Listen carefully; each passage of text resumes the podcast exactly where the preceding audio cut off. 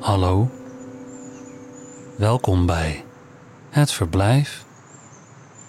Dag 158. Vandaag. Emma Laura Schouten leest De geschiedenis van mijn seksualiteit. Van Sophie Lakmaker. In 2018 is er een heel slecht boek over mij geschreven. Liefde. Bespottelijke titel natuurlijk. Zelf zou ik het misschien Noem het liefde of iets in die trant hebben genoemd, want wat we hadden leek er slechts in de verte op. In het boek heet ik Het meisje A, maar dat is dus onzin. Ik heet gewoon Sophie Lakmaker. Ik heb alleen de kritieken gelezen, niet het boek zelf, en die waren vernietigend. Voor mij is dat genoeg. Er zijn mensen die zeggen dat recensenten ook maar mensen zijn, maar ik vind van niet. Wat mij betreft hebben ze altijd gelijk en ze voorzien me om die reden in een haast levenslange behoefte. Het gelijk en de mensen die er aanspraak op maken. Op het omslag staat een heel knap meisje. Veel knapper dan ik zelf ben of was toen ik een relatie had met Suffer D. Zo noem ik hem nu maar even. Waarschijnlijk realiseerde Suffer D zich dat na verloop van tijd ook, maar heeft het natuurlijk nooit recht kunnen zetten, want dankzij de kritieken kwam er als vanzelfsprekend geen tweede druk. Mijn moeder zei dat wraak een gerecht is dat koud geserveerd wordt, maar ik weet niet zeker of ik daarop uit ben. Misschien dat de recensenten mijn wraak al genomen hebben. Misschien dat wraak gewoon niet zo ter zake doet. Wraak is voor mensen met rancune. Ik heb vooral verdriet. Suffer D leerde ik kennen toen ik vier was en dat was natuurlijk niet het moment waarop we een relatie kregen, want hij was toen twaalf. Hij was de beste vriend van mijn broer Daniel en hij wilde nooit bij ons thuis spelen, maar bij hem. Mijn ouders wantrouwden hem daarom al direct, maar ik heb me daar nooit zo mee bezig gehouden, wantrouwen. Laat staan toen ik vier was. We zagen elkaar voor het eerst in lange tijd op de 26e verjaardag van Daniel. Ik was net ontmaagd door Walter, de recruitment consultant, en daar vertelde ik hem in geuren en kleuren over. Terwijl ik sprak, zag ik een gloeiende interesse in zijn ogen, en ik denk dat je die blik als volgt kunt vertalen: Een vrouw die spreekt. Achteraf fietsten we samen naar huis en ik moest toen heel nodig plassen. Ik heb op straat geplast en weer zag ik die blik. Een vrouw die plast. Ik heb Suffer D ongelooflijk veel doen inzien. Een paar maanden later stuurde hij me een bericht of ik geslaagd was voor mijn eindexamen. Ik antwoordde dat ik geslaagd was met een 7,8 gemiddeld en dat het eigenlijk een 8,3 was wanneer je alleen het centraal schriftelijk meerekende. Om het te vieren zijn we iets gaan drinken in Café de Wetering, waar ik hem vroeg of hij tevreden was met zijn geslacht. Hij antwoordde dat hij vooralsnog weinig klachten had gekregen.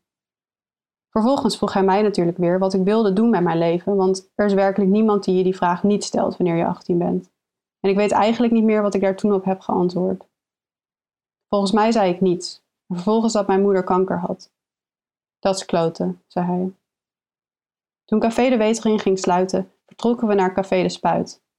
Dat was echt een smakeloos café, en een paar uur later vertrokken we naar een nog smakelozer café, de mazzeltof. Het kon me eigenlijk geen bal schelen of ik Walter tegenkwam. Eigenlijk hoopte ik Lianne en Patrick te zien. Ik wilde hem vragen of hij Kluun nog steeds een prachtige kerel vond, maar hij was er niet en ook Lianne was in geen vel wegen te bekennen. Het prettige aan Walter was dat ik bij hem kon zijn zonder me ook maar enigszins op hem te hoeven concentreren. Suffer D daarentegen bleef me maar vragen stellen. Uiteindelijk stelde ik hem een vraag, namelijk: Denk je dat Daniel dit erg vindt? Hij keek toen heel bedachtzaam en zei iets over meisjes die op een dag in vrouwen veranderen. Daar werd ik wel een beetje moe van. Alle inzichten van Suffer D over meisjes en vrouwen en het moment waarop ze daar precies in veranderen. Daniel vond het vreselijk, geloof ik. Een paar weken later zat ik met hem in een café en zei ik: Nu gaan we het over Suffer D hebben. Nee, antwoordde hij. Het gekke van Daniel is dat je dat dan ook echt niet doet. Ik niet, in ieder geval.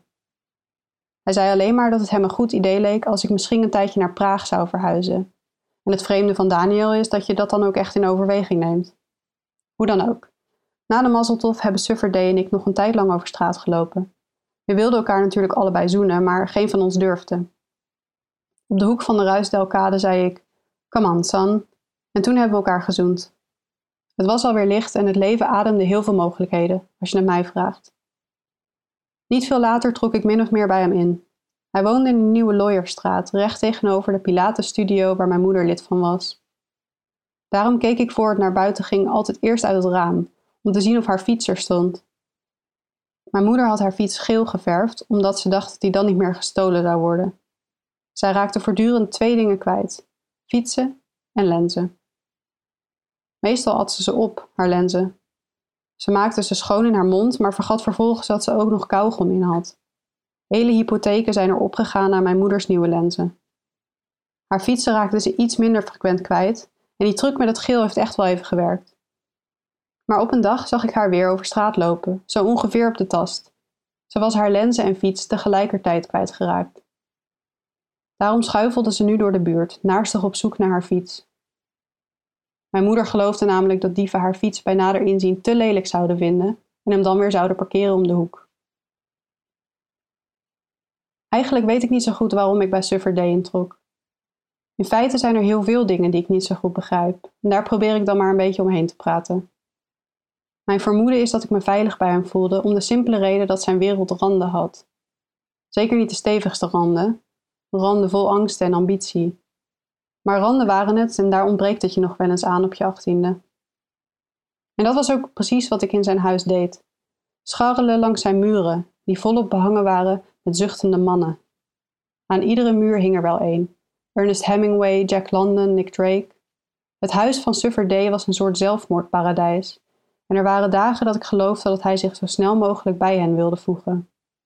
Dat was nog gebeurd ook, waren het niet dat zijn redactrice daar een stokje voor stak. Mijn god, die redactrice. Ze belde hem ongeveer om het half uur.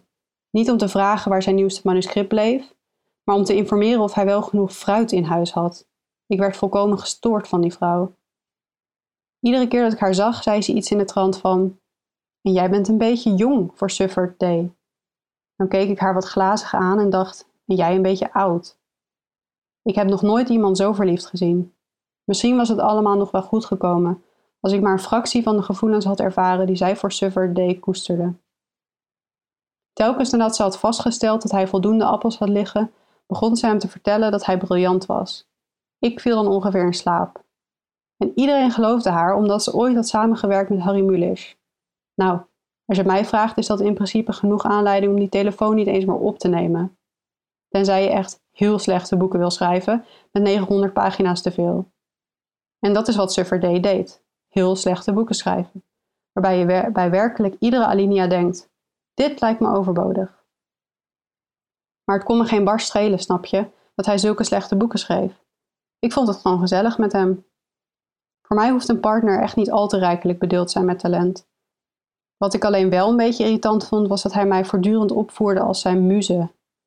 Geloof het of niet, maar ik inspireerde hem. Voor dat soort dingen kon je me dus absoluut niet wakker maken. Laat me in godsnaam slapen, als ik jouw muze ben. Een iets te jonge, snurkende muze. Dat is wat ik was.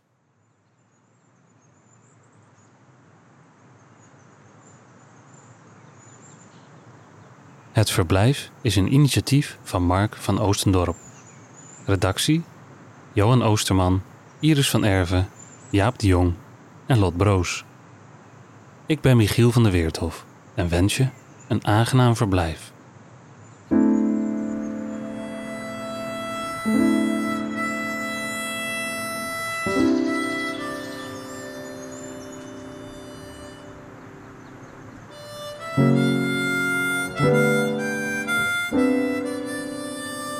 Tot morgen.